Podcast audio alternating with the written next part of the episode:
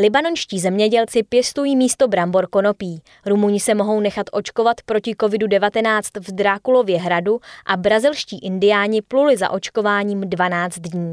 A kde získat vysokoškolský titul v oboru magie, zjistíte v Četkástu s Tomášem Helmou a Kateřinou Síkorovou.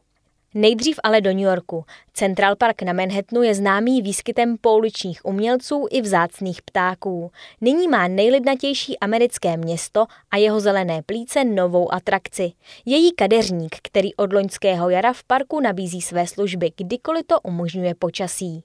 Erman James se s nůžkami do Central Parku poprvé vydal krátce po začátku pandemie COVID-19 s cílem stát se vyhlášeným holičem nejslavnějšího newyorského parku. Po roce stříhání na veřejnosti 33-letý muž svůj projekt hodnotil jako jasný úspěch. Je skvělé být průkopníkem s monopolním postavením, řekl zatímco pečoval o zákazníka.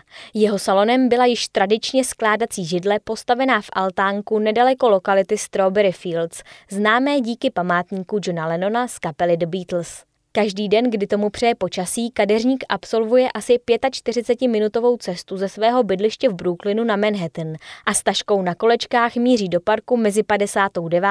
a 110. ulicí. Tam pak vytahuje nůžky, holicí strojek a zrcadlo, které věší na háčky v altánku. Skládací židly přikryje zástěrou a nakonec vystaví oznámení. Holičství Central Park. Účesy zdarma. Zákazníci mohou za sestřih zaplatit, kolik chtějí. Kadeřník říká, že většinou nechtějí nic složitého a nechávají mu částky kolem 20 nebo 30 dolarů, což odpovídá běžné ceně stříhání v New Yorku. Nicméně dobrovolné příspěvky se prý pohybují v rozmezí od 1 dolaru až po 200 dolarů, což je přes 4200 korun. Když svůj venkovní salon v Central Parku loni v květnu nachystal poprvé, první zákazník se našel po deseti minutách, vzpomínal kadeřník.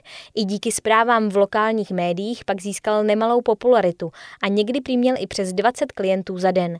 V těchto dnech se počty pohybují mezi 10 a 15, přičemž lidé se mohou nechat ostříhat bez objednání nebo si zarezervovat termín skrze mobilní aplikaci.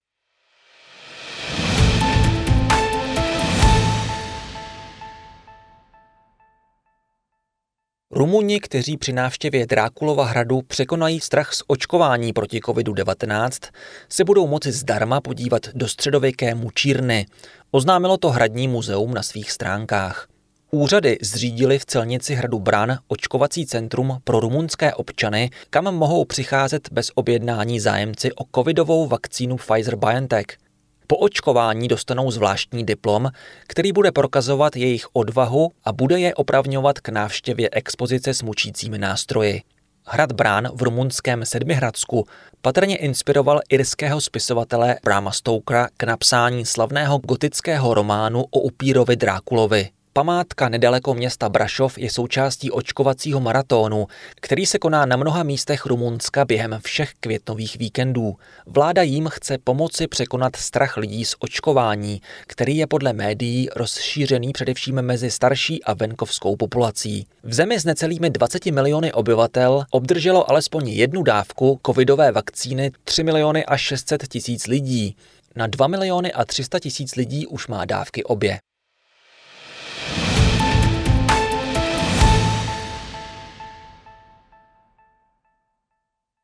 Libanonec Abu Ali se 30 let věnoval pěstování brambor. Současná hospodářská krize v jeho zemi a pád měny ho přiměli přeorientovat se na konopí. Vydělá si víc a může si dovolit slušnější život, píše agentura AFP. Nedělám to z lásky k hašiši, je to jenom levnější než jiné plodiny a umožní to důstojnější život, řekl 57-letý Abu Ali z oblasti Baalbek na východě Libanonu. S tím, jak se libanonská libra propadá vůči dolaru, stoupají ceny dováženého benzinu, osiva, hnojiv i pesticidů. Ke konopí se obrací stále více libanonských zemědělců, kteří měli existenční potíže už před současnou krizí. Stát toto odvětví zanedbává desítky let a mnoho lidí, jako je Abu Ali, se zadlužilo u bank nebo lichvářů a dluhy museli splatit prodejem půdy nebo nemovitostí. Aby se tomu vyhnul, začal Abu Ali v roce 2019 pěstovat konopí. Stojí to čtyřikrát méně než pěstování brambor nebo fazolí.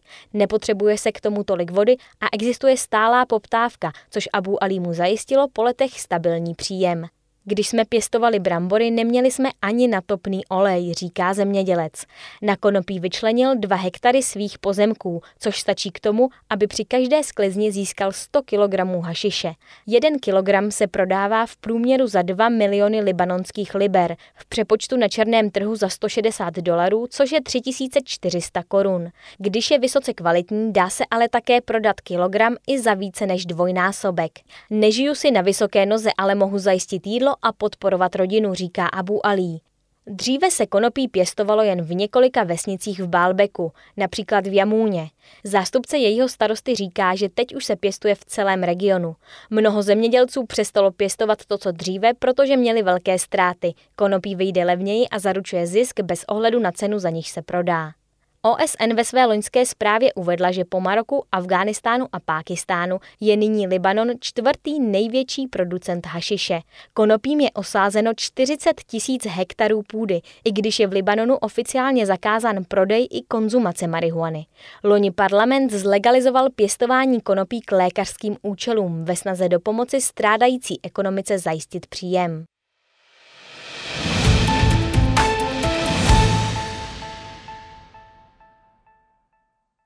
Skupina amazonských indiánů plula po řece 12 dní do nejbližšího města, aby dostala vakcínu proti COVID-19. Po očkování ale museli několik dnů ve městě zůstat, aby si prodejem uměleckých předmětů svého kmene vydělali na palivo a potraviny pro zpáteční cestu. Informoval o tom deník El País. Nejdříve jsme měli z vakcíny strach, ale když jsme viděli, že i další domorodé kmeny v ostatních oblastech se nechali očkovat, sebrali jsme odvahu. Nechtěli jsme dál vymírat, už nás je jen 600 v údolí Žavary, řekl agentuře EFE e Pixi Isma. On a dalších 630 členů etnika Matisů plul přes 700 kilometrů po řece Žavarý, která je přítokem Amazonky. Tento izolovaný kmen v Amazonii se poprvé do kontaktu s civilizací dostal v roce 1976. Následující léta pro ně byla devastující.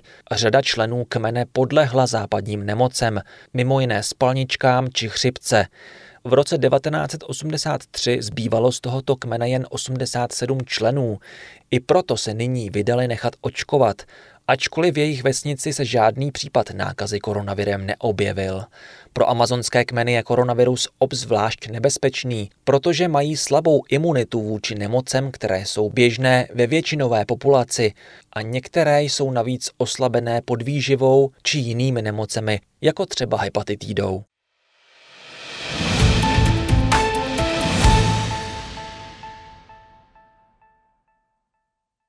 Pan Miroslav opravuje hodinky přes 40 let.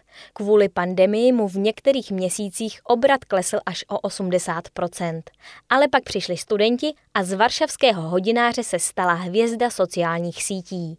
Podobně je to se Švadlenou, ševcem, květinářkou a dalšími podnikajícími prarodiči. Šest studentů a studentek managementu z Varšavské univerzity v rámci soutěže dostalo úkol s předem stanoveným tématem – seniory.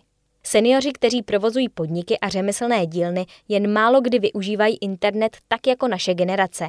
Nevědí, jak o sobě dát vědět na internetu a my jsme jim chtěli pomoci. Na sociálních sítích zveřejňujeme fotografie seniorů provozujících malé firmy a vyprávíme lidem o nich, řekli autoři projektu. Na Instagramu profil podnikajících prarodičů během několika dnů získal více než 30 tisíc sledujících. Autoři přiznávají, že přesvědčit seniory, aby se do jejich akce zapojili, nebylo vůbec jednoduché. Báli se, že je studenti podvedou nebo od nich budou chtít peníze. Účastníci projektu vidí výsledky už po několika dnech. Dílna pana Miroslava se nachází ve starém činžovním domě v příjemné varšavské čtvrti Žolibors. Musíte to mít rádi. Když se chirurg bude dívat na pacienta s nenávistí, operace asi taky nedopadne dobře. A u mě platí to samé, říká starý pán.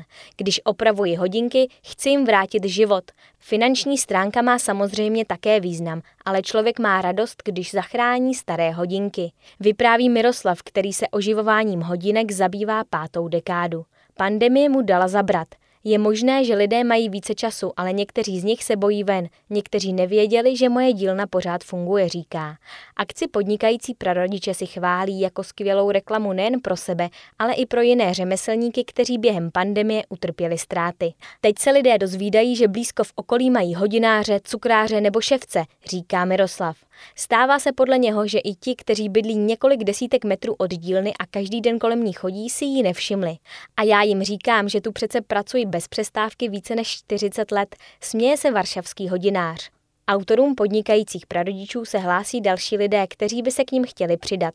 Studenti je ujišťují, že projekt neskončí spolu se školní soutěží. Chtějí založit nadaci, která bude pomáhat ekonomicky aktivním seniorům.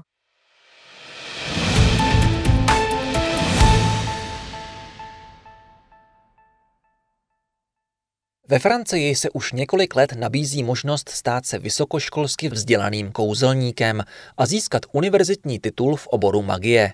Nyní pařížská škola Double Fond přijímá ke studiu i cizince. Podle deníku The Times je o studium velký zájem navzdory faktu, že se za absolvování dvoudenního kurzu platí skoro 18 tisíc eur, což je asi 460 tisíc korun. Trvalo nám pět let, než jsme stát přesvědčili, aby uznal, že povolání kouzelníka je skutečnou profesí, uvedla ředitelka školy Adlín Golandová. Nakonec se to v roce 2018 podařilo a Double Fond nabízí studentům získání titulu zhruba na úrovni českého diplomového specialisty či bakaláře. Prvních 13 frekventantů studium úspěšně zakončilo loni, letos se ke zkouškám chystá 15 dalších. Neměli jsme tušení, jaký zájem to vzbudí, když jsme začínali, ale teď k nám míří studenti z celé Francie i z dalších zemí, řekla Golandová.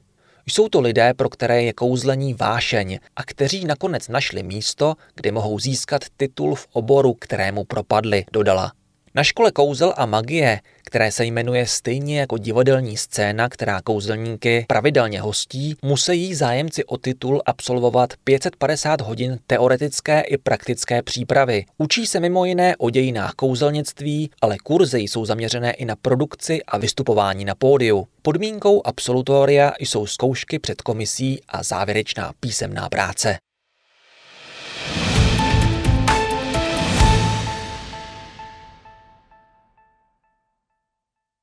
Nakonec ještě pozvánka do Akademie ČTK, vzdělávacího centra České tiskové kanceláře. Akademie ČTK nabízí mediální kurzy a tréninky pro veřejnost i firmy. Naučí vás vyhodnocovat a zpracovávat informace tak, jak to dělají novináři, zbaví vás strachu z televizních kamer a mikrofonů nebo vám připraví mediální kurz na míru. Více informací na webu Akademie ČTK www.čtk.cz lomeno akademie pomlčka ČTK. To je z Četkástu vše, naslyšenou za týden.